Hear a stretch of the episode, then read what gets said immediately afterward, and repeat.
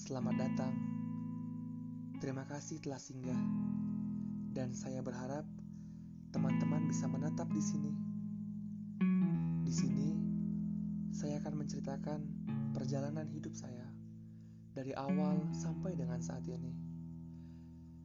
Mungkin Anda semua berpikir, apa pentingnya mendengarkan kisah saya? Sebenarnya, saya tidak punya tempat untuk bercerita. Dan saya berharap kisah ini dapat didengarkan oleh orang lain. Terima kasih. Semoga kisah kelam yang ada di dalam kisah ini tidak dirasakan oleh semua orang. Selamat mendengarkan teman-teman. Semoga teman-teman bisa mengambil hikmah dari kisah saya ini.